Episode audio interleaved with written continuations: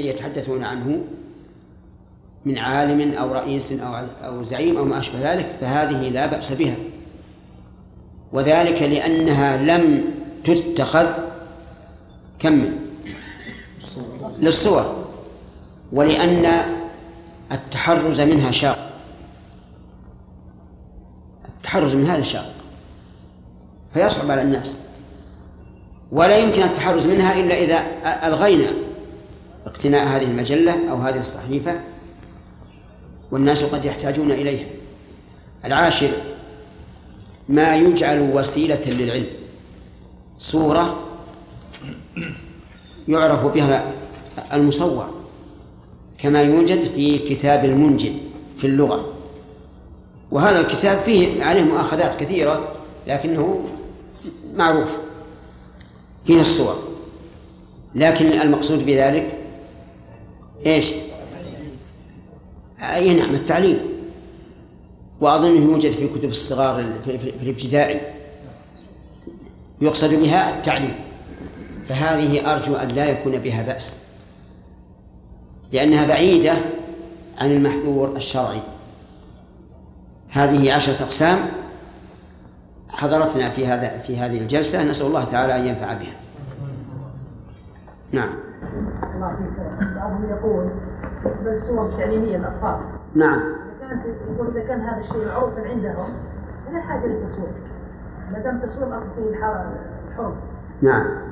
ما تقولون؟ نقول ما هو معلوم عندهم. الآن ما أدري أنت تعرف الجمال ولا ما تعرفها؟ معروفة عندك؟ حدثني أحد الأساتذة وهو يدرس في الرياض يقول إن هناك بعيرا. باركة. وحولها صبيان فلما جاء صاحبها ثورها وسارت. فجعلوا يسألون يا عم يا عم. صفطها صفطها مثل قبل صفطها. ما يعرفون. في ناس ما يعرفون الآن. وهو هذا يعني لو لو قسناه بال بالذي لا يعرف لكان يمكن عشرة في المئة. فيتسامح فيه سمير. لو كانت صورة في الغرفة هل يمنع من الدخول في الغرفة في الحجرة أم في البيت كله؟ هذا سؤال مهم. هل نقول إن الصورة المحرمة إذا كانت في حجرة من البيت يمتنع دخول الملائكة للبيت كله أو لهذه الحجرة؟ الظاهر لي أنها الحجرة خاصة فقط لأنها منفصلة مستقلة عن البيت. أي نعم. لا المحنط خلق الله عز وجل. لكن يبقى أن يقول هل يجوز أن نقتني المحنط؟ أقول إن كان المحنط نجسا فلا يجوز اقتناؤه لأن الشارع يأمر بإزالة الأذى والنجاسة. كيف نقتني؟ مثل المحنطات من بعض الطيور أو أو غيرها. وكذلك إذا حنط وهو حلال لكن لم يذكر فإنه إذا إذا حنط بدون تذكية صار صار ميتا نجسا. بقينا إذا ذكي وحنط. هل قيمته سهلة ويسيرة؟ يعني بمعنى أنه لا يعد ذلك إتلافا للمال؟ وإضاعة له أو قيمته غالية مرتفعة. إن كان الثاني منع لهذا السبب. وقيل له الآن أنت أضعت مالك. وإن كان شيئا يسيرا ولا سيما مع غنى الأمة فلا بأس. نعم. حدثنا إسحاق بن إبراهيم الحنظلي قال أخبرنا المخزومي قال حدثنا وهيب عن أبي حازم بهذا الإسناد أن جبريل وعد رسول الله صلى الله عليه وسلم أن ياتيه فذكر الحديث ولم يطوله كتطويل ابن أبي حازم. حدثني حرملة بن يحيى. يؤخذ من هذا الحديث فائدة وهي أن الإنسان إذا دعي ووعد يعني أجاب الدعوة وعلم أن في المكان منكر منكرا لا يقدر على تغييره فإنه لا الوفاء بالوعد. لأن جبريل عليه السلام لم يفي لا لا لم يفي بالوعد بناء على وجود الجرو الصغير. وفي هذا الحديث أيضا دليل على أن النبي صلى الله عليه وعلى آله وسلم لا يعلم الغيب. شيء في بيته وتحت سريره لم يعلم به كيف يقال أنه يعلم الغيب؟ والعجب أن هؤلاء الغلاة في النبي صلى الله عليه وسلم يزعمون أنهم أنه يعلم الغيب وهم في الحقيقة كذبوا الرسول عليه الصلاة والسلام. لأن الله قال للرسول قل لا أقول لكم عندي خزائن الله ولا أعلم الغيب. وقال ذلك عليه الصلاة والسلام. بلغ هذا. وهؤلاء يقولون إنه يعلم الغيب. حينئذ يكونون قدحوا بالنبي صلى الله عليه وسلم من حيث من حيث لا يشعرون. نعم. حدثني حرملة بن يحيى قال أخبرنا ابن وهب قال أخبرني يونس عن ابن شهاب عن ابن السباق أن عبد الله عن ابن السباق أن عبد الله بن عباس رضي الله عنهما قال أخبرتني ميمونة رضي الله عنها أن رسول الله صلى الله عليه وسلم أصبح يوما واجما فقالت ميمونة يا رسول الله لقد استنكرت هيئتك منذ اليوم. قال رسول الله صلى الله عليه وسلم إن جبريل كان وعدني أن يلقاني الليلة فلم يلقني. أما والله ما أخلفني. قال فظل رسول الله صلى الله عليه وسلم وسلم يومه ذلك على ذلك. ثم ثم وقع في نفسه جرو كلب تحت فسطاط لنا. فأمر به فأخرج. ثم أخذ بيده ماء فنضح مكانه. فلما أمسى لقيه جبريل فقال له قد كنت وعدتني أن تلقاني البارحة. قال أجل ولكنا لا ندخل بيتا فيه كلب ولا صورة. فأصبح رسول الله صلى الله عليه وسلم يومئذ فأمر بقتل الكلاب حتى إنه يأمر بقتل كلب الحائط الصغير ويترك كلب الحائط الكبير. ثم بعد ذلك نسخ الأمر بقتل الكلاب إلا الأسود والعقوب نعم. بارك الله فيكم من أجل تمام الفائدة ربما يعني تتفضلون بكلمة حول ما يظهر في التلفاز والفيديو. إي نعم. هذا نرى أنه حسب حسب المصور لأننا لا نعتقد أن هذا صوره أصلا. لكن ما الذي يصور؟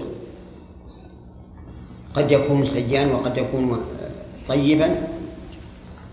لكن مشكلتنا الآن أنه بعض القوات في العصور الوسطى اشتهروا بحسن القيادة والشجاعة.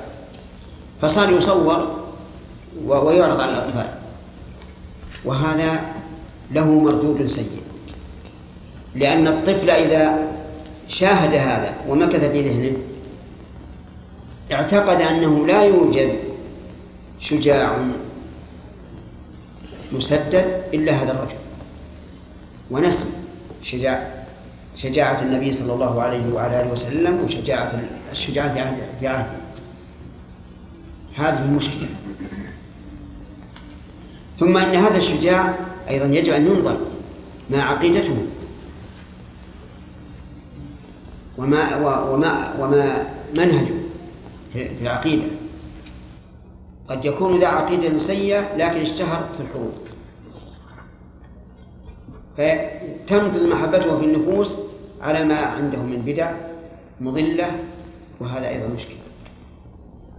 ولذلك مسألة الإعلام من أخطر ما يكون على الناس إما في الانحراف وإلا في الاستقامة. يعني هي الحقيقة مؤثرة جدا. نعم. شيخ يعني قولنا بأن الصورة جائزة أو تجويزنا للصور إيش؟ قد تجويزنا لبعض الصور. نعم. حاجة وغيرها نعم. هل يمنع هذا دخول الملائكة أو لا؟ إذا دخل يعني إذا إذا وجدت الصورة الممنوع ما, ما يمنع من دخول الملائكة.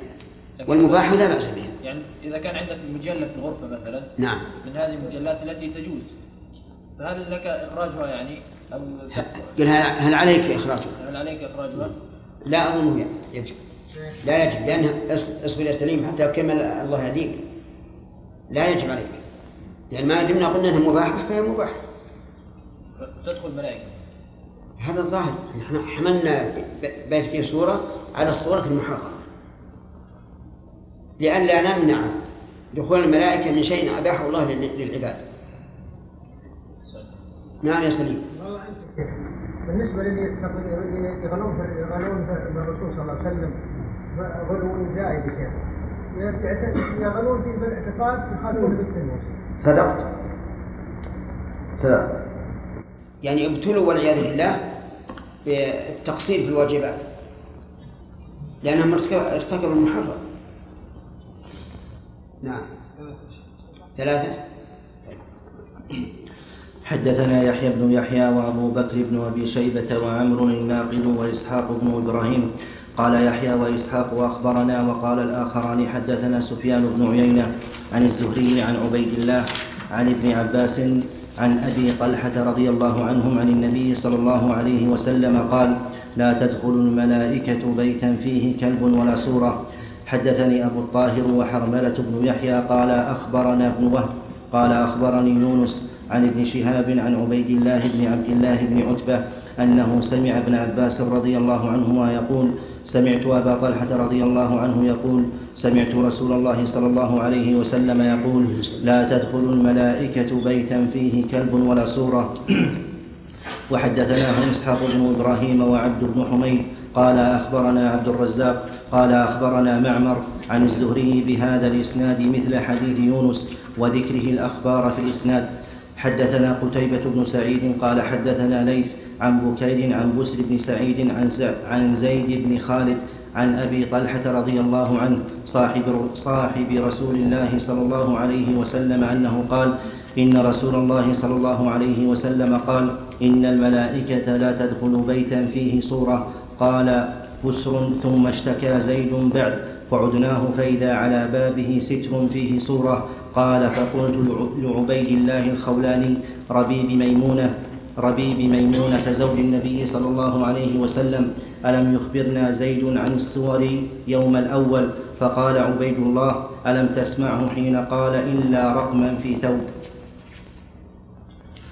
هذا أحد الأقوال في المسألة. يقول أحد الأقوال في المسألة يقولون أن الصور المحرمة هي المجسم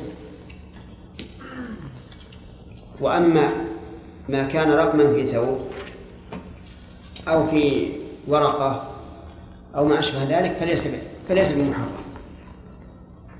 لكن الصواب أنه محرم لأن النبي صلى الله لأن علي بن أبي طالب رضي الله عنه قال لأبي الهياج الأسدي ألا أبعثك على ما بعثني عليه رسول الله صلى الله عليه وسلم ألا تدع صورة إلا طمستها. وهذا صريح في أنه يدخل في ذلك الرقم وغير الرقم. وهو الصواب وهو الذي عليه الجمهور. نعم. حدثنا أبو الطاهر قال أخبرنا ابن وهب قال أخبرني عمرو بن الحارث أن بكير بن الأشج حدثه أن بسر بن سعيد حدثه أن زيد بن خالد الجهني حدثه حدثه ومعه بسر ومعه بسر عبد عبيد الله الخولاني أن أبا طلحة رضي الله عنه حدثه أن رسول الله صلى الله عليه وسلم قال لا تدخل الملائكة بيتا فيه صورة قال بسر فمرض زيد بن خالد فعدناه فإذا نحن في بيته بستر فيه تصاوير. فقلت لعبيد الله الخولاني ألم يحدثنا في التصاوير؟ قال إنه قال إلا رقما في ثوب. ألم تسمع؟ قلت لا. قال بلى قد ذكر ذلك. حدثنا إسحاق بن إبراهيم قال أخبرنا جرير عن سهيل بن أبي صالح عن سعيد بن يسار عن سعيد بن يسار أبي الحباب بن يسار أبي الحباب مولى بني النجار عن زيد بن خالد الجهني عن أبي طلحة الأنصاري رضي الله عنه قال سمعت رسول الله صلى الله عليه وسلم يقول لا تدخل الملائكة بيتا فيه كلب ولا تماثيل قال فأتيت عائشة فقلت إن هذا يخبرني أن النبي صلى الله عليه وسلم قال لا تدخل الملائكة بيتا فيه كلب ولا تماثيل.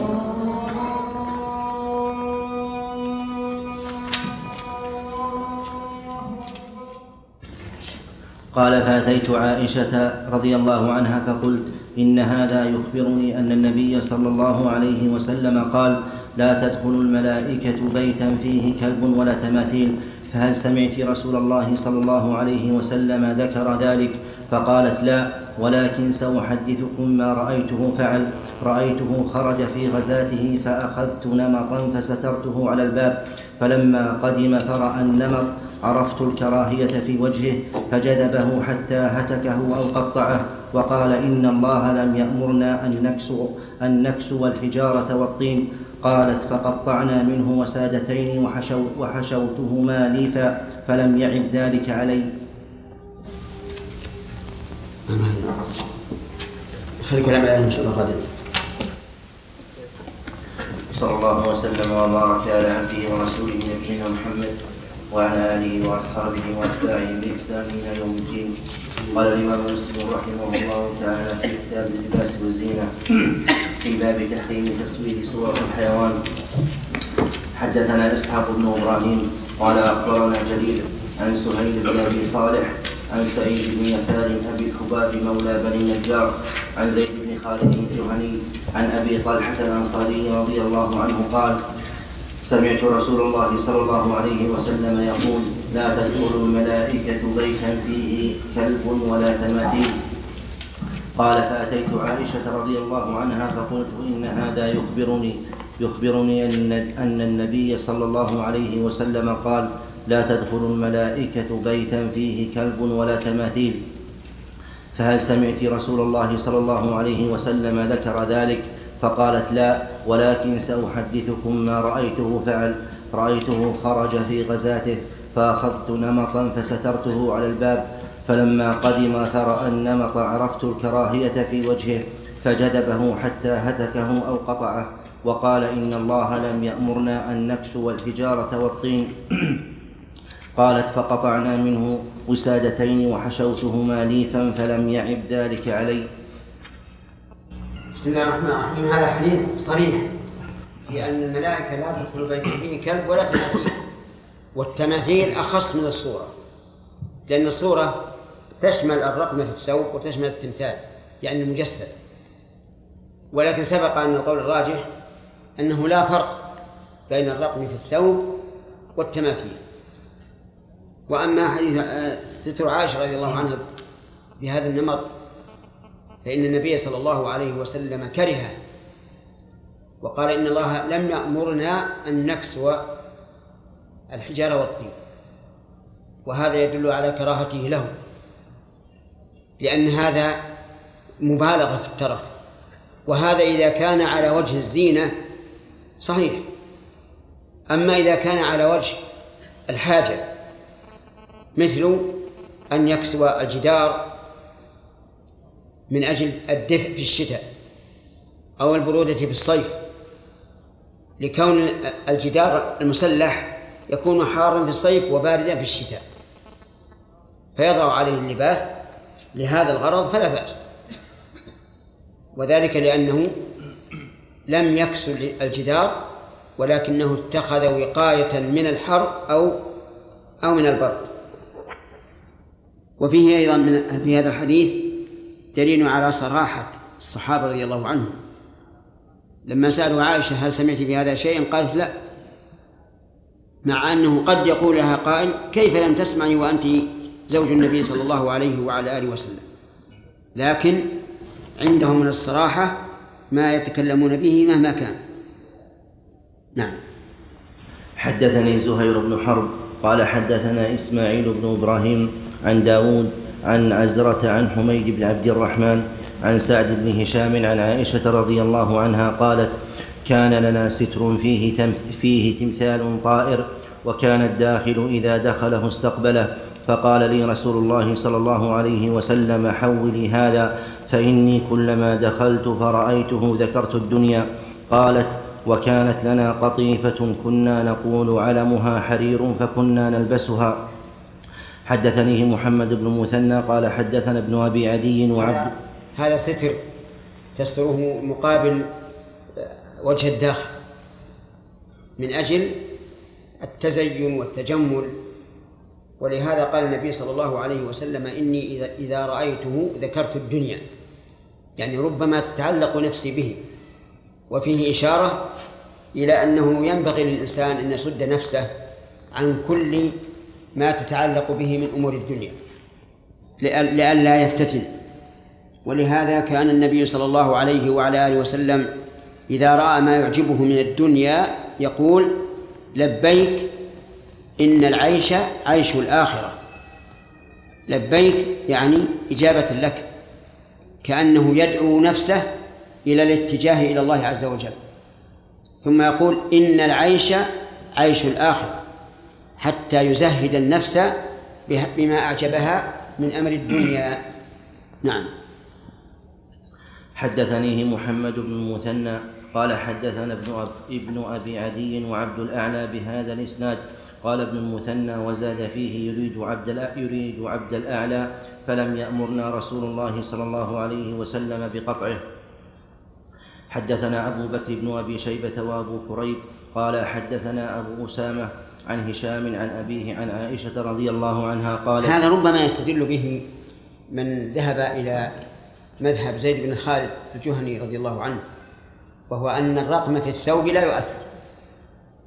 لأن النبي صلى الله عليه وعلى آله وسلم إنما نهى إنما أمر بإزالته وتحويله إلى مكان آخر ولم يأمر بقطعه وإنما أمر بتحويله إلى مكان آخر وعلل ذلك بأنه إذا رآه ذكر الدنيا. ولكن الأمر كما قدمنا أن الرقم في الثوب كالتمثال لكنه لا شك أهون لوجود الخلاف فيه ولأنه لا لا يمثل الصورة التي خلقها الله عز وجل لأن الصورة التي خلقها الله جسم مكون من أعضاء ووجه. نعم. حدثنا أبو بكر بن أبي شيبة وأبو كريب قال حدثنا أبو أسامة عن هشام عن أبيه عن عائشة رضي الله عنها قالت قدم رسول الله صلى الله عليه وسلم من سفر وقد سترت على بابي درنوكا فيه الخيل ذوات الأجنحة فأمرني فنزعته. وحدثنا أبو بكر بن أبي شيبة قال حدثنا عبده حاء وحدثنا تقول أمرني فنزعته. فنزعته. ولم تقل أمرني فقطعته مع أن فيه الخيل ذوات الأجنحة وهي وهمية لا حقيقة. لأن الخيل ليس لها أجنحة لكن الذين صوروها بأجنحة كأنهم أرادوا أن يرمزوا إلى سرعة عدوها كالطائر. نعم.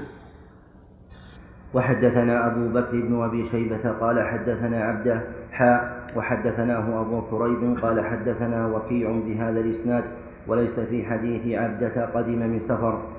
حدثنا منصور بن أبي حدثنا منصور بن أبي مزاحم قال حدثنا إبراهيم بن سعد عن الزهري عن القاسم بن محمد عن عائشة رضي الله عنها قالت دخل علي رسول الله صلى الله عليه وسلم وأنا متسترة بقرام فيه صورة فتلون وجهه ثم تناول الستر فهتكه ثم قال إن من أشد الناس عذابا يوم القيامة الذين يشبهون بخلق الله.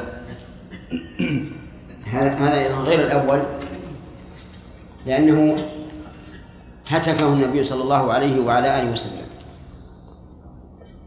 وبين السبب وهو أن أشد الناس عذابا الذين يضاهئون بخلق الله. فإن قال قائل عائشة لم تشبه بخلق الله إنما استعملت ما فيه الصورة.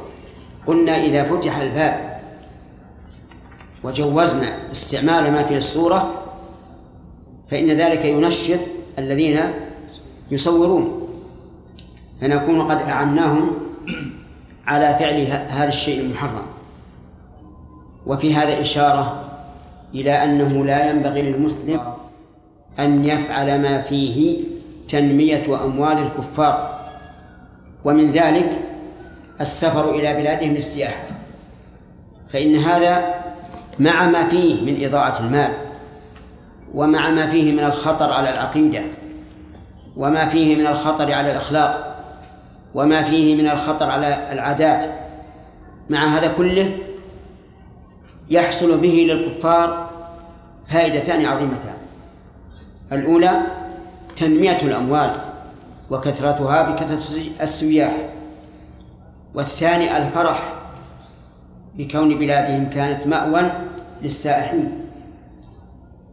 ولكن أكثر الناس مع الأسف الشديد لا يقدرون هذا الأمر ولا يهتمون به يريدون أن يرفعوا عن أنفسهم بأي وسيلة ولا يقدرون أن هذا ضرر على المسلمين لأن هؤلاء الكفار يستعينون بأموالهم على إضعاف الدعوة الإسلامية إما بالوسائل السلمية الخبيثة الخادعة وإما بالوسائل العسكرية. وهذا أمر مشاهد. ولذلك يجب عليكم طلبة العلم أن تبينوا للناس الخطر في هذا الأمر وأن تحذروهم منه. والمسألة ما هي هينة. تجد مثلا يذهب مثلا من البلد نحو 25% إلى بلاد الكفار على أي أساس؟ ولماذا؟ لماذا لا تنفق هذه الأموال في سبيل الله إذا كان عندهم فائض مال لكن ربما لا يكون عندهم فائض مال وربما يستدينون لهذا الغرض. فنسأل الله لنا ولهم الهداية نعم يحيى أحسن الله إليك. السفر إلى بلاد الكفار لأجل العلاج ما إمكان العلاج في بلاد المسلمين؟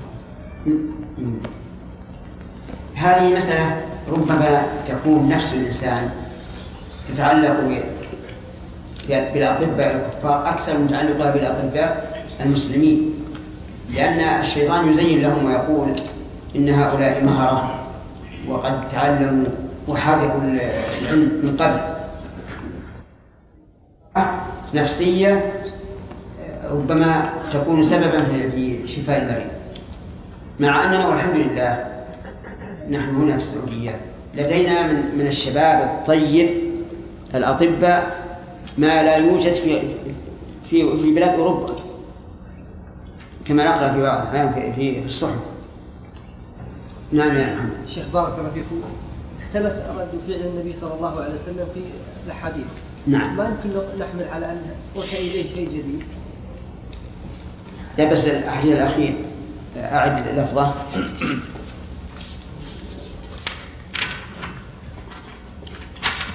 عن عائشة رضي الله عنها قالت دخل علي رسول الله صلى الله عليه وسلم وأنا متسترة بقرام فيه صورة فتلون وجهه ثم تناول الستر فهتكه ثم قال إن من أشد الناس عذابا يوم القيامة الذين يشبهون بخلق الله. قوله متسترة يحتمل أن المعنى أنها قد وضعت سترا على الباب ويحتمل أنها ملتفة به. فليس صريحا إلا إذا أتى لفظ آخر يبين أحد الاحتمالين ولا أصبر يا سليم حتى أذلك و... والفرق بين كونه على الباب أو على الجدار وكون الإنسان ملتحفا به فرق بين لأن هذا ملاصق للإنسان ومباشر له نعم يا سليم. اول يا شيخ تعتذر من أني فاهم المقصود لكني خاف انك يسال واحد يأخذ سؤال عني يا شيخ. شوف بارك الله فيك. إذا استأذنت فأنت حجزت مكان ما يحتاج لكن دعني أكمل الجواب حتى لا يتقطع من ذهني أو يتقطع من أذهان الطالب. ما عندك شيء الآن؟ نعم. ما هو؟ يا شيخ من جهة الصور ومن جهة بعض مش الشيء المخالفة. بعض طلبة العلم اللي عليهم شرع يا شيخ ولهم نظرة في الناس يفعلون هذا. و- واللي واللي يتصور لي يا شيخ انهم ينظرون الناس لهم يعني يصورون أو يستعملون الصور. يستعملون بعض الصور. نعم. ويستعملون بعض الأشياء. وهم والناس ينظرون لهم يقولون هذا ولما حد كلمهم قالوا شوفوا العالم الفلاني يسوي. صحيح. شوفوا يا إخوان الناس في هذه المسألة طرفين نقيض من الناس من يشدد تشديدا عظيما عظيما. ويقول لا تقرأ الكتب اللي فيها صور ولا الصحف اللي فيها صور ولا المجلات اللي فيها صور. ومتى وجدت من صورة فاطمسها ولا مزقها. هذا هو. قسم آخر يقول لا كل الصور جائزة إلا التمثال المجسم. وعرفتم أن هذا القول ليس ليس وليدا من عهد الصحابة رضي الله عنهم. وبعض الناس يفصل على حسب ما ما شرحناه في الليلة الماضية فأنا لا أحب أن يشدد في أمور يظهر من فعل الصحابة في عهد النبي صلى الله عليه وسلم وفي وفيما بعده أن الأمر ليس إلى ليس إلى ذاك الشدة. ولا ولا ولا نشك أن أن تعليق صور العظماء من أمراء أو سلاطين أو رؤساء أو أو غير ذلك أن هذا حرام. لأن هذا غلو فيهم. نعم. يا شيخ طالب العلم. عليها عليه نظرة عليه نظرة أكثر من إي نعم يا سليم لكن بعض طلبة العلم يقولون هذا جائز. ويقولون لسنا أورع من زيد بن خالد جهنم ولسنا أيضا في حديث عائشة حديث عائشة كما سمعت. الرسول صلى الله عليه وسلم قال حولي عن هذا. فإني إذا رأيت ذكرت الدنيا. ما عندي التمثال. أنا لا أحب التشديد الكامل ولا أحب الصراخ. اتباع ما دلت عليه النصوص نعم بعضهم يقول إن وضع صور العلماء والرؤساء في المكاتب وفي بعض المحلات آه، هيبة للناس. إيه. يعني إذا شاف يضرب السلام لا في بعض الدوائر الحكومية. مطلوبات على كل حال لهم تأويلات ما ما هي مقبولة لهم تأويلات غير مقبولة التعظيم في القلوب. ربما يرى مثلا سورة الرئيس ولكن لا يهتم بهذا إطلاقا. بل ويلعنه في قلبه ولا ولا يعطي تعظيم. الذي يريد أن يعظمه الناس يعظم الله عز وجل. فإن من اتقى الله اتقاه الناس ومن هاب الله هابه الناس. ولا تجد طريقا إلى هذا إلا أن تعظم ربك عز وجل ثلاثة. وحدثني حرملة بن يحيى قال أخبرنا ابن وهب قال أخبرني يونس عن ابن شهاب عن القاسم بن محمد أن عائشة رضي الله عنها حدثت أن رسول الله صلى الله عليه وسلم دخل عليها بمثل حديث إبراهيم بن إبراهيم بن سعد غير أنه قال ثم أهوى إلى القرام فهتكه بيده حدثنا يحيى بن يحيى وأبو بكر بن أبي شيبة وزهير بن حرب جميعا عن ابن عيينة. حاء وحدثنا إسحاق بن إبراهيم وعبد بن حميد. قال أخبرنا عبد الرزاق قال أخبرنا معمر عن الزهري بهذا الإسناد وفي حديثهما إن أشد الناس عذابا لم يذكرا من وحدثنا أبو بكر بن أبي شيبة وزهير بن حرب جميعا عن ابن عيينة واللفظ لزهير. قال حدثنا سفيان بن عيينة عن عبد الرحمن بن القاسم عن أبيه أنه سمع عائشة رضي الله عنها تقول دخل علي رسول الله صلى الله عليه وسلم وقد سترت سهوة لي بقرام فيه فيه تماثيل فلما رآه هتكه وتلون وجهه وقال يا عائشة أشد الناس عذابا عند الله يوم القيامة الذين يضاهون بخلق الله قالت عائشة فقطعناه فجعلنا منه وسادة أو وسادتين.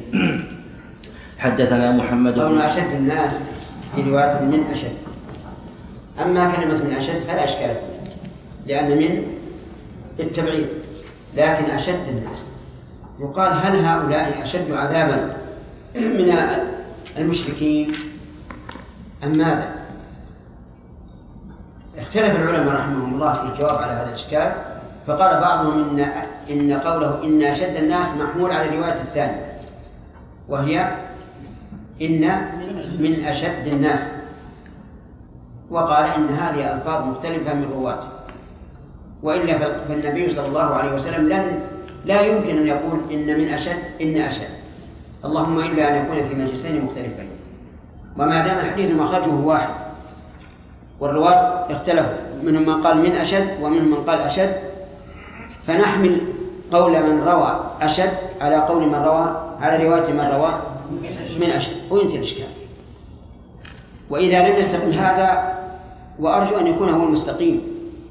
إذا لم يستقم فنقول أشد الناس عذابا في مضاهاة خلق الله هؤلاء. والآن نقول إذا صور المصور يقصد بذلك مضاهاة خلق الله وأن لديه من القدرة ما يجعله يصور الشيء كالصورة التي خلقها الله عز وجل. فهذا لا شك أنه منازع لله عز وجل في ربوبيته لأن الخالق هو الله عز وجل فهذا حرام عليه بأشكال ومن صور الصورة لتعبد من دون الله فهذا أيضا لا شك أنه قد فعل محرما عظيما لأنه أراد أن يوقع الناس بإيش؟ بالشرك في العبادة فلهذا نقول هذان الأمران لا شك في تحريمهما من صور لغا... للضرورة فهذا جائز. من صور للضرورة والمراد التصوير باليد فهذا جائز. أو صور للإكراه أكره على هذا فهذا جائز. لأن الإكراه يرفع الإثم. وأما التقاط الصورة الذي يسمونه الصورة الطغرافية فهذا ليس تصويرا. لأن هذا الذي التقطها لم يصور إطلاقا ولذلك يلتقط الصورة وهو أعمى وقال له أمامك صورة رجل أو امرأة أو شاة أو بعيد صورها. فيزنون الكاميرا عليها ويصورها هو أعمى. وإذا أردت أن يتضح لك هذا فاكتب رسالة بقلمك. ثم صورها بهذا التصوير. فالحرف الذي ظهرت صورته كتابة من؟ الأول ولا المصور؟ الأول لا شك. بخلاف ما لو جاء إنسان آخر وأراد أن يقلب على كتابة الأول بيده. فيقال نعم هذا هذا أراد الله. والناس يجدون الفرق بين هذا وهذا. نعم. أحسن الله إليك يا شيخ. الصور الخيالية التي ليس لها في الواقع نظير. هل يجوز أن ترسم؟ الخيالية؟ الخيالية؟ يعني ترسم صور ليس لها من خلق الله مشابهة ونظير. أي. رسومات الأطفال. نعم. هذه عندي فيها شك يعني أحيانا يصور الآدمي وله آذان طويلة ولا عيون مشكوكة من طول.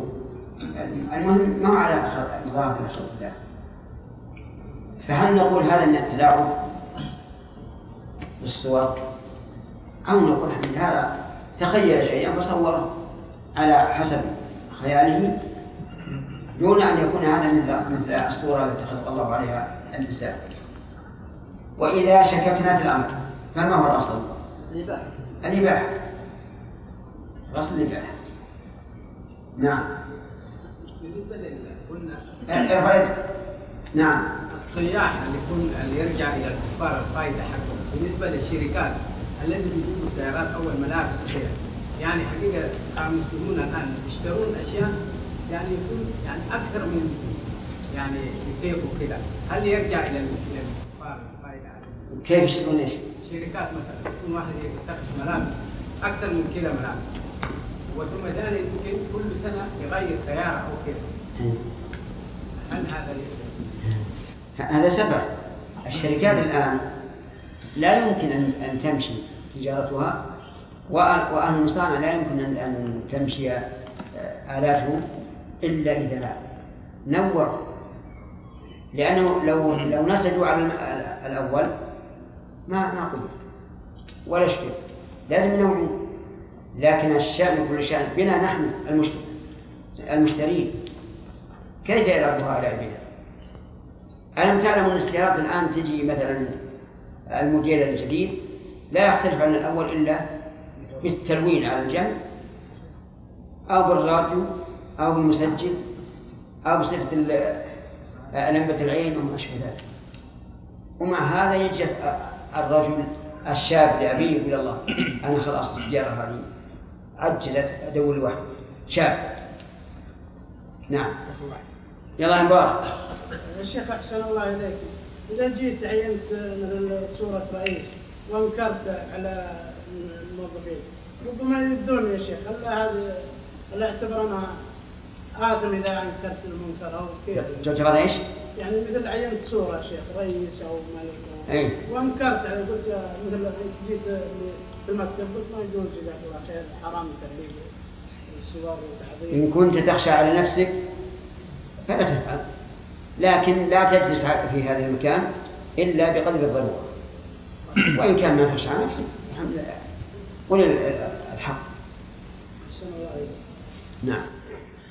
حدثنا محمد بن مثنى قال حدثنا محمد بن جعفر قال حدثنا شعبة عن عبد الرحمن بن القاسم قال سمعت القاسم يحدث عن عائشة رضي الله عنها أنه كان لها ثوب فيه تصاوير ممدود إلى سهوة فكان النبي صلى الله عليه وسلم يصلي إليه فقال أخريه عني قالت فأخرته فجعلته وسائد. وحدثناه إسحاق بن إبراهيم وعقبة بن مكرم عن سعيد بن عامر حاء وحدثناه إسحاق بن إبراهيم قال أخبرنا أبو عامر العقدي جميعا عن شعبة بهذا الإسناد.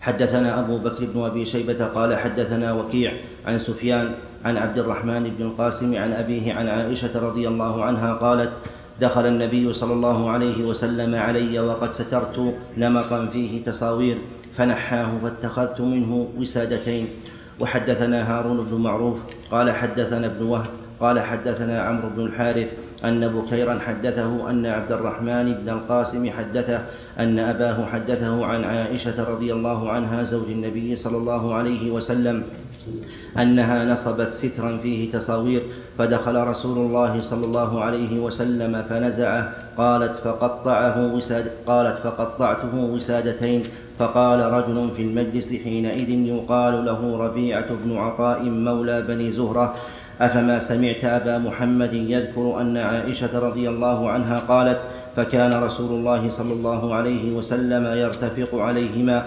قال ابن القاسم لا لكني قد سمعته يريد القاسم بن محمد. حدثنا يحيى بن يحيى قال قرأت على مالك عن نافع عن عن القاسم بن محمد عن عائشة رضي الله عنها أنها اشترت نمرقة فيها تصاوير فلما رآها رسول الله صلى الله عليه وسلم قام على الباب فلم يدخل فعرفت أو فعرفت في وجهه الكراهية فقالت يا رسول الله أتوب إلى الله وإلى رسوله فماذا أذنبت؟ فقال رسول الله صلى الله عليه وسلم ما بال هذه النمرقة؟ فقالت اشتريتها لك تقعد عليها وتوسدها. فقال رسول الله صلى الله عليه وسلم إن أصحاب هذه الصور إن أصحاب هذه الصور يعذبون ويقال لهم أحيوا ما خلقتم ثم قال إن البيت الذي فيه الصور لا تدخله الملائكة.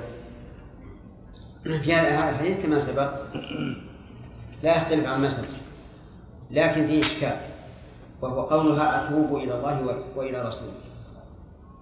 التوبة لا شك أنها عبادة ولا يجوز أن تضاف إلى غير الله.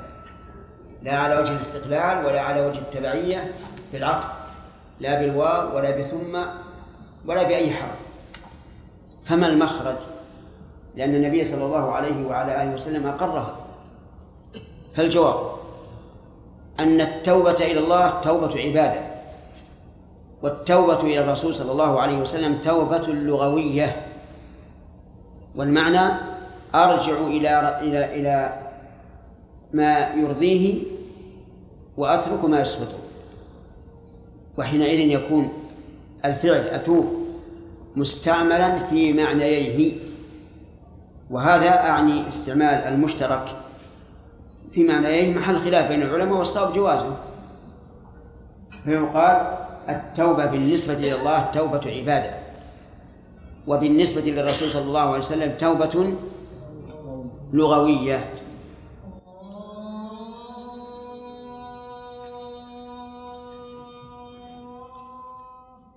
نعم. عائشة رضي الله عنها لما قطعت هذه الوسادة لما قطعت هذا الستر ما بقيت فيها الصورة؟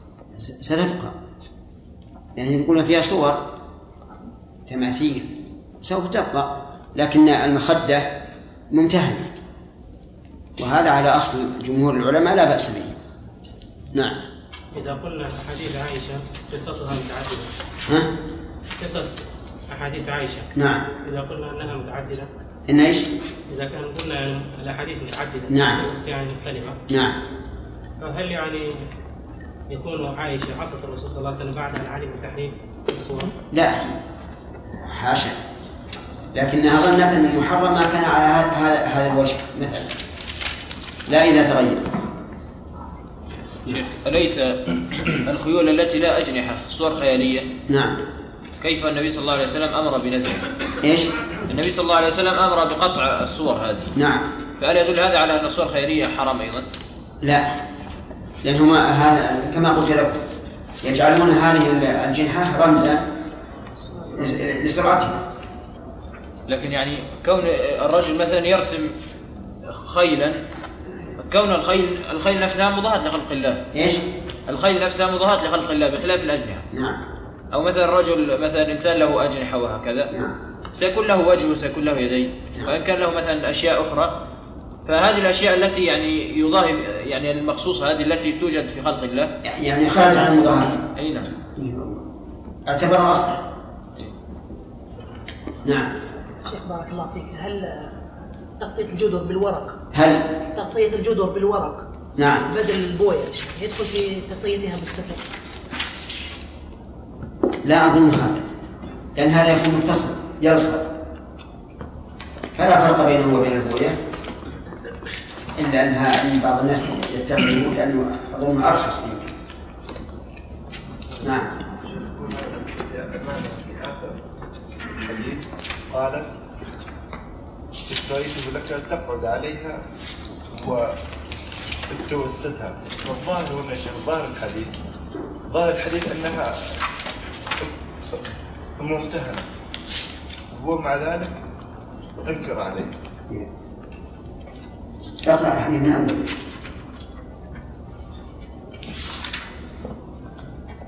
عن عائشة أنها اشترت نمرقة فيها التصاوير فلما رآها رسول الله صلى الله عليه وسلم قام على الباب فلم يدخل فعرفت أو فعرفت في وجهه الكراهية فقالت يا رسول الله أتوب إلى الله وإلى رسوله صلى الله عليه وسلم فماذا أذنك؟ وقال رسول الله صلى الله عليه وسلم ما بال هذه النمرقة قالت اشتريتها لك تقعد عليها و وتتوسدها فقال رسول الله صلى الله عليه وسلم إن أصحاب هذه الصور يعذبون ويقال لهم احجبوا ما خلقتم ثم قال إن إن البيت الذي فيه الصور لا تدخل الملائكة. نعم.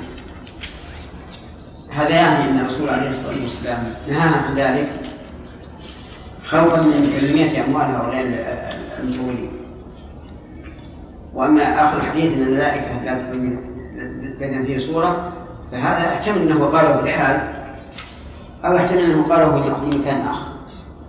وأن الراوي جمع بينهما نعم. سلام الله عليك يا شيخ. في من يتخذ يا شيخ صور للمساجد المشهورة يا شيخ؟ حرم المكي والنبوي نعم. طبيعة الحال في صور كثيرة للمصلين. هي تتبين الصورة صورة المصلين ها؟ خاصة في صور كبيرة. يعني لا قصدي هل إنها تتبين ولا مجرد رؤوس كرؤوس الجراد؟ نصف الجدار هذه لا تعلم. ما تعلم. ما تعلم. نعم. انتهى الوقت. بسم الله الرحمن الرحيم. الحمد لله رب العالمين. صلى الله وسلم وبارك على عبده ورسوله نبينا محمد وعلى آله وأصحابه وأتباعه بإحسان إلى يوم الدين. قال الإمام مسلم رحمه الله تعالى في كتاب اللباس والزينة في باب تحريم تصوير سوره الحيوان. وحدثناه قتيبة وابن رمح عن الليث بن سعد. حا وحدثنا إسحاق بن إبراهيم قال أخبرنا أخبرنا الثقفي قال حدثنا أيوب.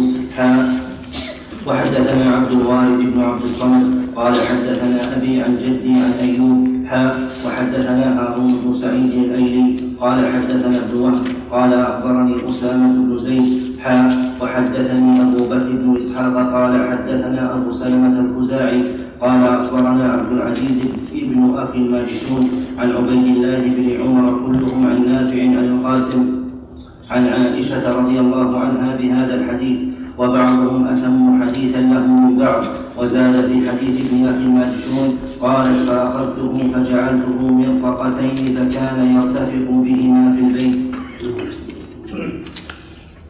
حدثنا أبو بكر بن أبي شيبة قال حدثنا علي بن مسهر حاء وحدثنا ابن المثنى قال حدثنا يحيى وهو القطان جميعا عن عبيد الله. حاء وحدثنا ابن نمير واللفظ له. قال حدثنا أبي قال حدثنا عبيد الله عن نافع أن ابن عمر رضي الله عنهما أخبر أن رسول الله صلى الله عليه وسلم قال الذين يسمعون الصور يعذبون يوم القيامة. يقال لهم أحيوا ما خلقتم. يقال لهم تحديا. لأنهم لن يستطيعوا أن يفعلوا هذا. لكن في حديثهم يقال أحيوا ما خلقتم وفي هذا جواز إشارة إضافة الخلق إلى الإنسان. ويدل له قول الله عز وجل فتبارك الله أحسن الخالقين. نعم. حدثنا أبو الربيع وأبو كامل قال حدثنا حماد حا وحدثنا وجه المناسبة أن يقال ما خلقتم لأنهم أرادوا أن يظاهروا خلق الله بالجسد. فعذبوا بأن يظاهروا خلق الله بالروح. ولن يستطيعوا ذلك أبدا. إذا نأخذ من هذا الحديث أن التصوير من كبائر الذنوب لأن فيه الوعيد حدثنا أبو الربيع وأبو كامل قال حدثنا حماد ها وحدثني زهير بن حرب قال حدثنا إسماعيل يعني ابن علي حا وحدثنا ابن أبي عمر قال حدثنا الثقفي كلهم عن أيوب عن نافع عن ابن عمر رضي الله عنهما عن النبي صلى الله عليه وسلم بمثل حديث عبيد الله عن نافع بمثل حديث عبيد الله عن نافع عن ابن عمر رضي الله عنهما عن النبي صلى الله عليه وسلم. حدثنا عثمان بن أبي شيبة قال حدثنا جرير عن الأعمش. ها وحدثني أبو سعيد الأشد. قال حدثنا وكيع. قال حدثنا الأعمش عن أبي الضحى عن مسروق عن عبد الله رضي الله عنه قال قال رسول الله صلى الله عليه وسلم إن أشد الناس عذابا يوم القيامة المصورون ولم يذكر الأشد إن وحدثناه يحيى بن يحيى وأبو بكر بن أبي شيبة وأبو خريب كلهم عن كلهم عن أبي معاوية. حا وحدثناه ابن أبي عمر قال حدثنا سفيان كلاهما عن الأعمش بهذا الإسناد. وفي رواية يحيى وأبي كريب عن أبي معاوية إن من أشد أهل النار يوم القيامة عذابا المصورون وحديث سفيان كحديث وكيع وحدثنا نصر بن علي الجهرمي قال حدثنا عبد العزيز بن عبد العزيز بن عبد الصمد قال حدثنا منصور عن مسلم بن صبيح قال كنت مع مسروق في بيت فيه تماثيل مريم فقال مسروق هذه تماثيل كسرى فقلت لا هذه تماثيل مريم فقال مسروق أما إني سمعت عبد الله عبد الله بن مسعود رضي الله عنه يقول قال رسول الله صلى الله عليه وسلم أشد الناس عذابا يوم القيامة المصورون قال مسلم قرأت على نصر بن علي الجهضمي عن عبد الأعلى عن عبد الأعلى بن عبد الأعلى قال حدثنا يحيى بن إسحاق عن سعيد بن أبي الحسن قال جاء رجل إلى ابن عباس رضي الله عنهما فقال إني رجل أصور هذه الصور فأفتني فيها. فقال له ادن مني فدنا منه. ثم قال ادن مني فدنا منه حتى وضع يده على رأسه. قال أنبئك بما سمعت من رسول الله صلى الله عليه وسلم. سمعت رسول الله صلى الله عليه وسلم يقول كل مصور في النار يجعل له بكل صورة صورها نفسا فتعذبه في جهنم. وقال إن كنت لا بد فاعلا فاصنع الشجر وما لا نفس له فأقر به نصر بن علي في هذا الحديث دليل على طلب المفتي من المستفتي أن يطلب منه وذلك ليكون أفهم. ولهذا لما قرب لنا قال أذن أذن حتى استطاع أن يمسك برأسه. فأمسك برأسه فحدث فحدثه بهذا الحديث. وقوله يجعل له بكل صورة صورها نفسا. يعني بضم الياء والجبل بالفتح يجعل له نفسا. إيه نفسا بالنصب لكن يجعل. يجعل. يجعل نعم. وفيها أن هذه الصور مهما كثرت فإنها تعذب فاعلها في نار جهنم والعياذ بالله. وفي وفي هذا الحديث دليل على جواز سن الشجر وما لا نفس له. يعني الذي ليس به روح كالشجر والقصور والبحار والأنهار والنجوم والشمس والقمر وما أشبه ذلك. وهل يلحق بذلك صورة الحيوان إذا كان إذا كان قد أزيل منها ما لا تبقى معه حياة يعني بأن صور أعلى الصدر وما فوق أو هذا الأصل فيه أنه صورة حيوان وأنه إذا خرج على هذا الوجه كأنه خلف جدار قصير. تغطى أسفله به. من العلماء من يرى أن أن أنه ملحق بالأول. يعني معنى أنه يجوز أن يصور الإنسان ما لا روح فيه. أي ما لا تبقى معه حياة فيما فيه روح. ومنهم من يقول لا. لأن الأصل في هذا أنه حرام. ووجود البعض دون البعض الآخر كأنه مغطى بجدار أو شيء. ولا شك أن الاختيار أن نمتنع منه. نعم. يحيى. إن من أشد أهل النار يوم القيامة عذابا المصورون. نعم. بالرفع ها؟ بالرفع المصورون. نعم. بالرفع المصورون. أي نعم. هذا هو اسم منه يعني كان مقتضى القواعد أنها تكون للنصر. يحمل على هذه؟ يحمل هذا؟ إما أنه على إلغاء إن كما أنها في بعض اللغات تنصب جزئين أو يكون هذا خطأ لا نشوف كلام النووي على هذا. إن من أشد الناس على قول إن أصحاب هذه الصور يعذبون. وعلى قول ويقال نحن ما خلقت. يلا يا احمد قبل الحديث هذا ولا بعده؟ الحديث الذي ذكرها قبله بدليل وما آخر شيء حديث آخر آخر شيء ويقال لهم نحن ما خلقتم ما تكلم في الحديث. لو أشكل عليه أن يصورون مرفوعه وهي مقتضى القواعد أن تكون منصوبه نعم. قال ولم يذكر شك الا نعم. الامام مسلم قال بعد ذكر الحديث قال ولم يذكر إلى شك إلا. إلى بزن الذاكرة نفس الشيء نستطيع أن نقول محمول على رواية حذف. حذف منه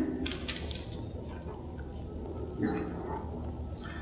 وحدثنا أبو بكر بن أبي شيبة قال حدثنا علي بن مسهر عن سعيد بن أبي عروبة عن النضر بن أنس بن مالك رضي الله عنه قال كنت جالسا عند ابن عباس رضي الله عنهما فجعل يفتي ولا يقول قال رسول الله صلى الله عليه وسلم حتى سأله رجل فقال إني رجل أصور هذه الصور. فقال له ابن عباس أذنه.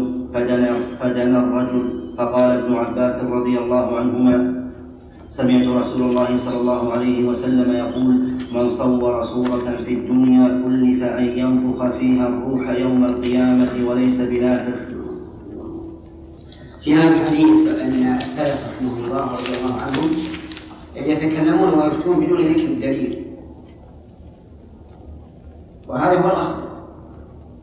لكن إذا رأى المفتي أن ذكر أن الحاجة تدعو إلى ذكر الدليل إما لاستغراب الحكم أو لكون الشائع بين الناس سواه أو أو رأى أن المستفتي قلق فهنا لا بد من ذكر الدليل. سواء سئل عنه أم لم يسأل. فإن سئل عنه تعين عليه أن يذكره. وما أحسن أن يقرن الحكم بالدليل لأنك إذا قرنت الحكم بالدليل اطمأن المخاطب.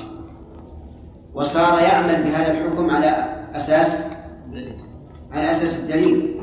وفرق بين من يعمل على أساس تقليد المفتي وبين من يعمل على أساس تقليد على أساس اتباع الدليل.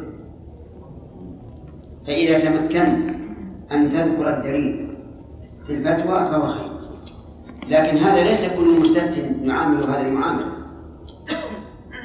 لأن العامية لو ذكرت له الدليل ثم قلت ووجه الاستدلال كذا وكذا. ماذا يكون؟ يضيع فنشير مقام المقام. نقول ذكر الدليل الأصل هو الأفضل. وقد يتعين في مسألتين المسألة الأولى إذا دعت الحاجة إلى ذكره لكون الحكم غريبا أو لكون الاستشاع بين الناس خلاف خلاف. أو إذا طلبه نعم إذا طلبه السائل. فلا بد من الذكر وأما إذا لم يكن كذلك نظرنا إن خيف من ذكر الدليل إرباك السائل فهنا لا نقول الدليل لأنه إذا كان يرتبك بذكر الدليل ووجه الدلالة وما أشبه هذا فإنه سيضيع الفاجر نعم بارك الله فيكم. آه، هل يكون لمسألة الاستنساخ هذه المعاصرة هل يكون لها وجه في حالها يعني من قريب أو بعيد في مسألة التخليق؟ التخليق؟ نعم في قوله في قوله تعالى ومن أظلم آه، ممن دخل خلقه نعم. إلى شك أنه نوع من الخلق لكنه ليس إيجادا الخلق الذي ينفرد به الرب عز وجل هو الإيجاد هذا لا أحد يستطيع. أما تغيير الشيء من صورة إلى صورة فهذا نسميه خلقا لكن ليس هو الخلق الذي يختص به الله. فمثلا نقول؟ أن الدجال خلق هذا هذا الباب. ولكن ليس هو الخلق الذي ينفرد به الله به الله عز وجل. لأن لأن هذا الخلق هو عبارة عن إيش؟ عن تغيير ما خلق الله. فقط نقل من حال إلى حال. كذلك الاستنساخ هو من هذا النوع. لكني ما أظن أن هذا يدوم. لأنه فاشل نعم. نعم يا سليم. والله عندك شيء. بالنسبة لطلاب العلم شيء أنفعلهم ذكر الدليل مع مع الفائدة أنفعلهم صحيح. والعوام الشيخ يشوش عليهم مثل ما ذكر. يعني إحنا ذكرنا تفصيل عام ذكرنا تفصيلا عاما نعم. حدثنا أبو غسان المسمعي ومحمد بن مثنى قال حدثنا معاذ بن هشام قال حدثنا أبي عن قتادة عن النضر بن أنس رضي الله عنه. تصور حصرت هذا مثل قيل انفخ الروح أحيي خلقت ماذا تقول نفسك؟ صعب صعب جدا جدا. لأنه تحدي مع التعليم.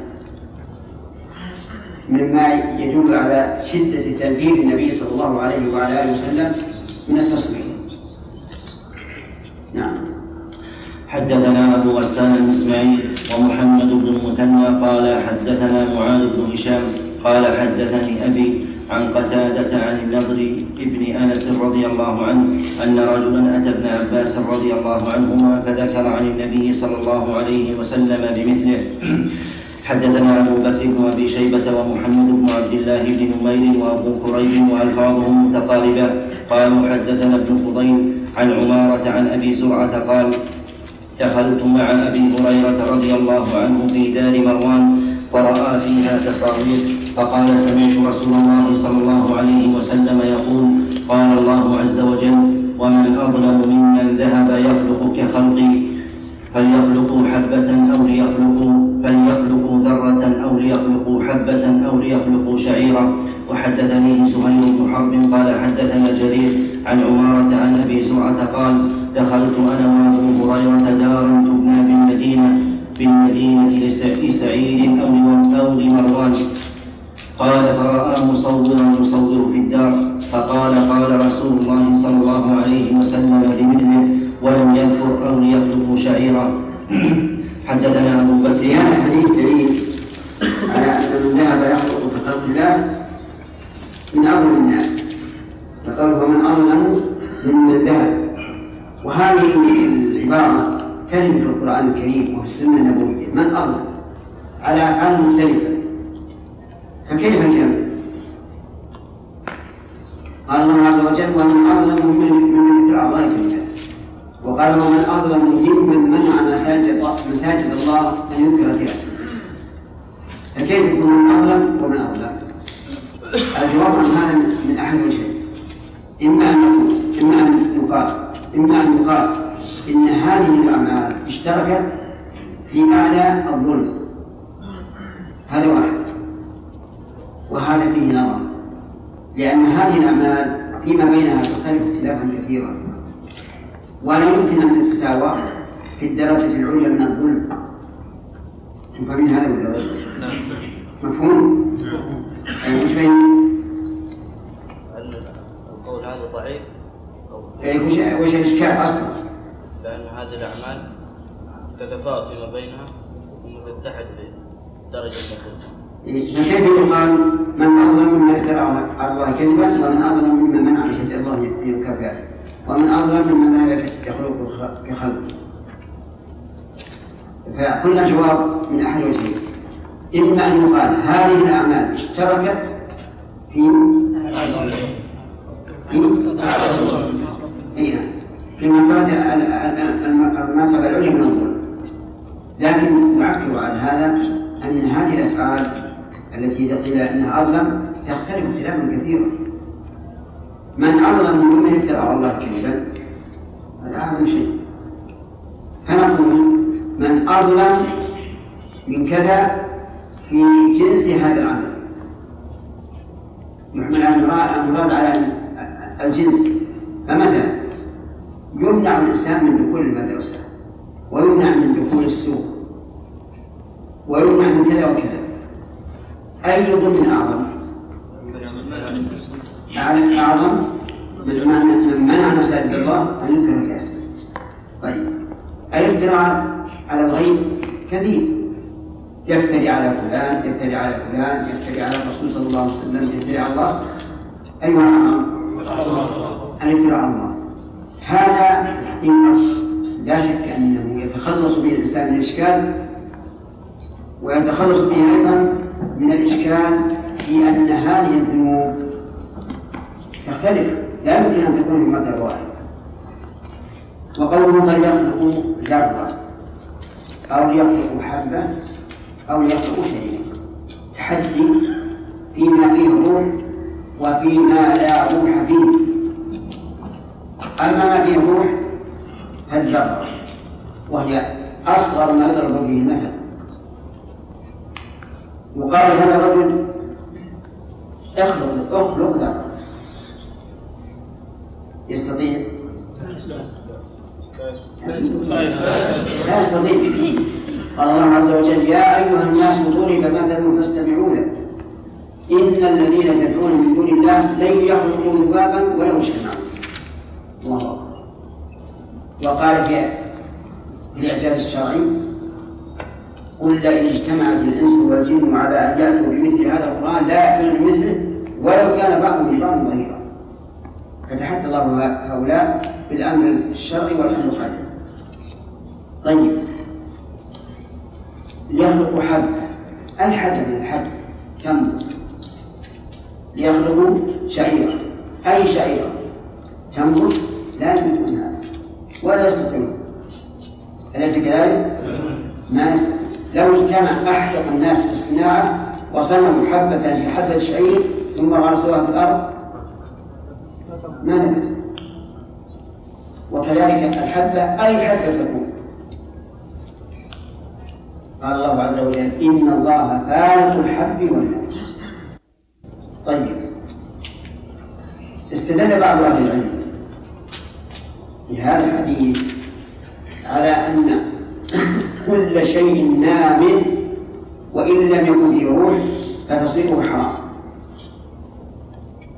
قال لأن الحديث ليخلق حبة أو يخلق شيء. وأما ما ليس بنام كالقصور والأنهار وما أشبهه فإنه لا بأس بتصويره وعندي أنه لا وجه لهذا لا وجه لهذا لأن الحديث السابق كلف أن ينفخ فيها الروح. وهذه النوابت ما فيها روح. لكنه ذكرها للمبالغة في التحدي. يعني أنهم يتحدون حتى بالذي ليس فيه روح. ولا يستطيعون أن يخلقوا. يكون هذا المبالغة في إيش؟ في التحدي يعني أنكم لا تستطيعون أن تخلقوا ولا حد. وهذا هو الذي عليه جمهور العلماء أن النامي من الأشجار ونحوها لا لا يحرم تصويره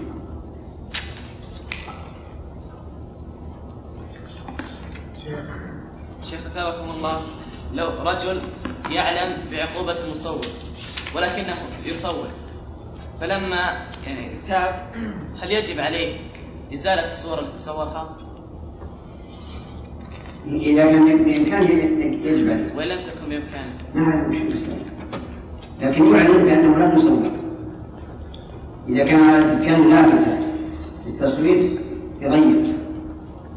سليم. والله شيخ بالنسبة للظلم الشيخ للظلم. الظلم إذا كان الشرك اعظم من الشيخ واظلم نعم. فهم أن القول الذي يعني يتخلص به الإنسان تماما أن يقول هذا باعتبار الجنس. شيخ أحسن الله إليك. بالنسبة للصور اللي على الملابس هل يكفي فيها طمس العينين فقط؟ تكون صورة رجل أعمى ورجل الأعمى هو إنسان ولا غير إنسان؟ نعم لكن الوجه كله يمشي لأن إذا طمس الوجه كله صار كأنها ظل كأنها ظل الإنسان لكن من يستطيع إذا صار من هذا الثوب؟ قد لقم فيه ألف صورة. ما يستطيع وحينئذ يحوله إلى مخدة. بعض ملابس الأطفال يا شيخ الصغيرة. كل واحد. قال ولا يقطعون مثلا يخيطون شيء على الوجه كله أو شيء. هذا يجعل في شيخ أحسن الله إليك. الذي يصور له الصورة يعني في حكم المصور. إيش؟ الذي يصور له الصورة. اي لا لا أظن لا أظن لكنه مهم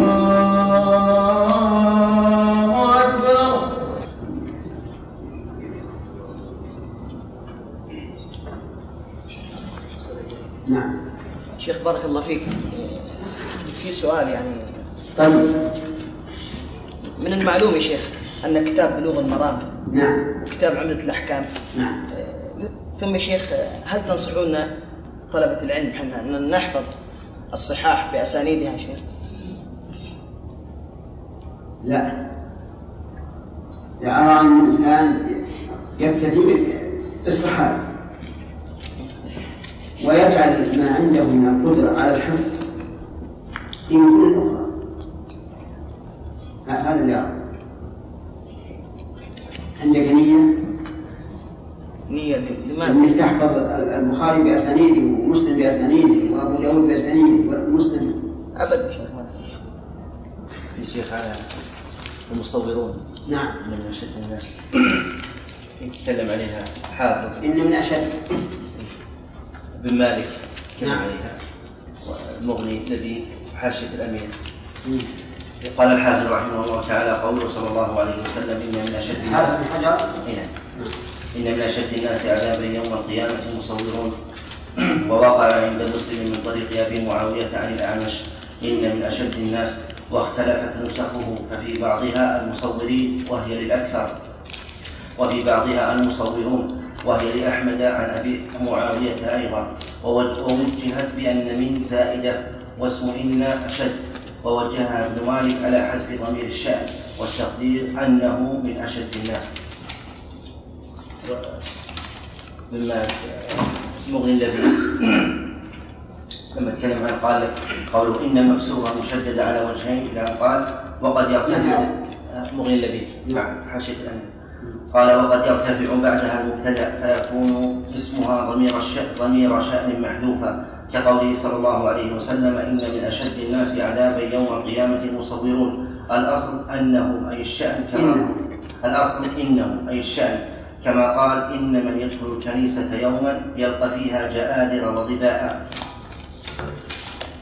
وإنما لم تجعل من؟ اسمها لأنها شرطية بدليل جزمها الفعلين. والشرط له الصدر فلا يعمل فيه ما قبله.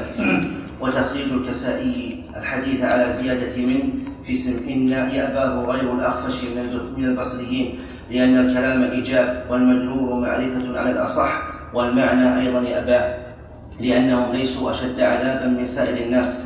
وتخفيف نعم الأمير يقول في حاشيته يقول والمعنى أيضا يأباه تعقبه الشارع بأنه روي بحذف منه. وحمله على تصوير الصور لتعبد من دون الله ويمكن أنها أشدية نسبية في الجملة.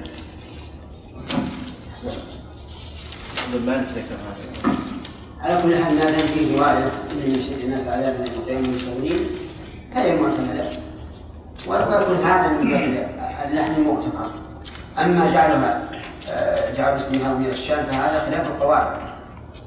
لأن ضمير الشان لا يكون اسما إلا لين المخفف أما مشددة فلا فلا.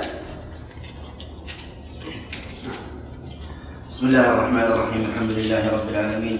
صلى الله وسلم وبارك على عبده ورسوله نبينا محمد وعلى آله وأصحابه وأتباعه بإحسان إلى يوم الدين. قال الإمام مسلم رحمه الله تعالى في كتاب اللباس والزينة باب كراهة الكلب والجرس في السفر. حدثنا أبو كامل فضيل بن حسين الجحدري قال حدثنا بشر يعني ابن مفضل قال حدثنا سهيل عن أبيه عن أبي هريرة رضي الله عنه أن رسول الله صلى الله عليه وسلم قال لا تصحب الملائكة رفقة فيها كلب ولا جرس. والمراد بالكلب هنا الكلب الذي لا يباح. وأما الكلب الذي يباح كرفقة معه كلب صيد أو ماشية فلا بأس.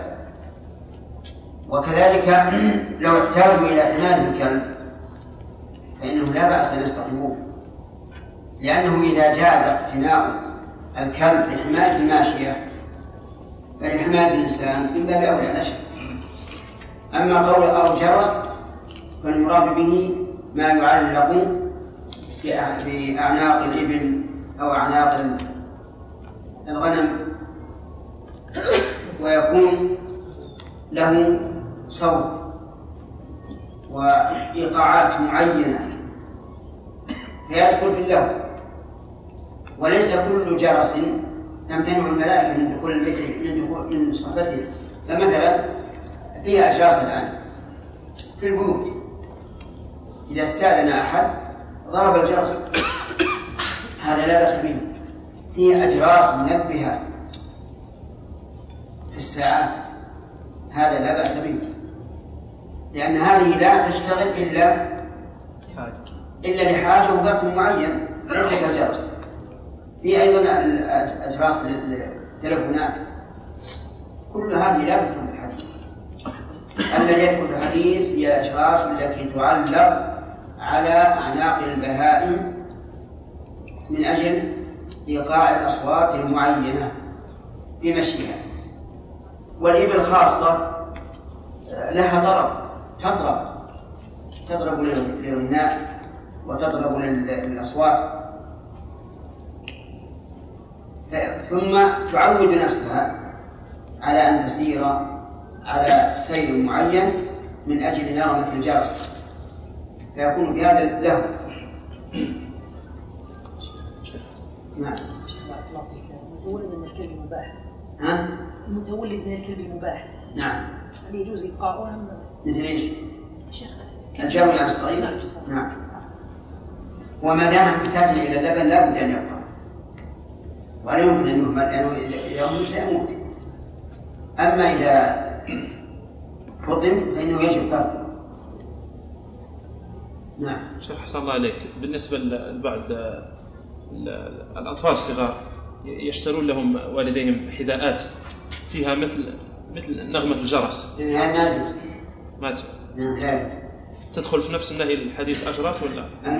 لا سواء دخل في الحديث أو لا أو لم يدخل لأن هذا يصير فيه تعويد الطفل على اللهو والنعاس. الشيخ أصلا لك الأجراس التي تستعمل في المدارس. هذه تدخل في للحاجة. لا ما في شيء. الإباحة كل جرس لا, لا, لا يتحرك إلا إلا إلا لحاجة ما في شيء. وحدثني زهير بن حرب قال حدثنا جرير حاء وحدثنا قتيبة قال حدثنا عبد العزيز يعني الدراوردي كلاهما عن سهيل بهذا الإسناد. وحدثنا يحيى بن أيوب وقتيبة وابن حجر. قالوا حدثنا إسماعيل يعنون بن جعفر عن العلاء عن أبيه عن أبي هريرة رضي الله عنه أن رسول الله صلى الله عليه وسلم قال الجرس مزامير الشيطان.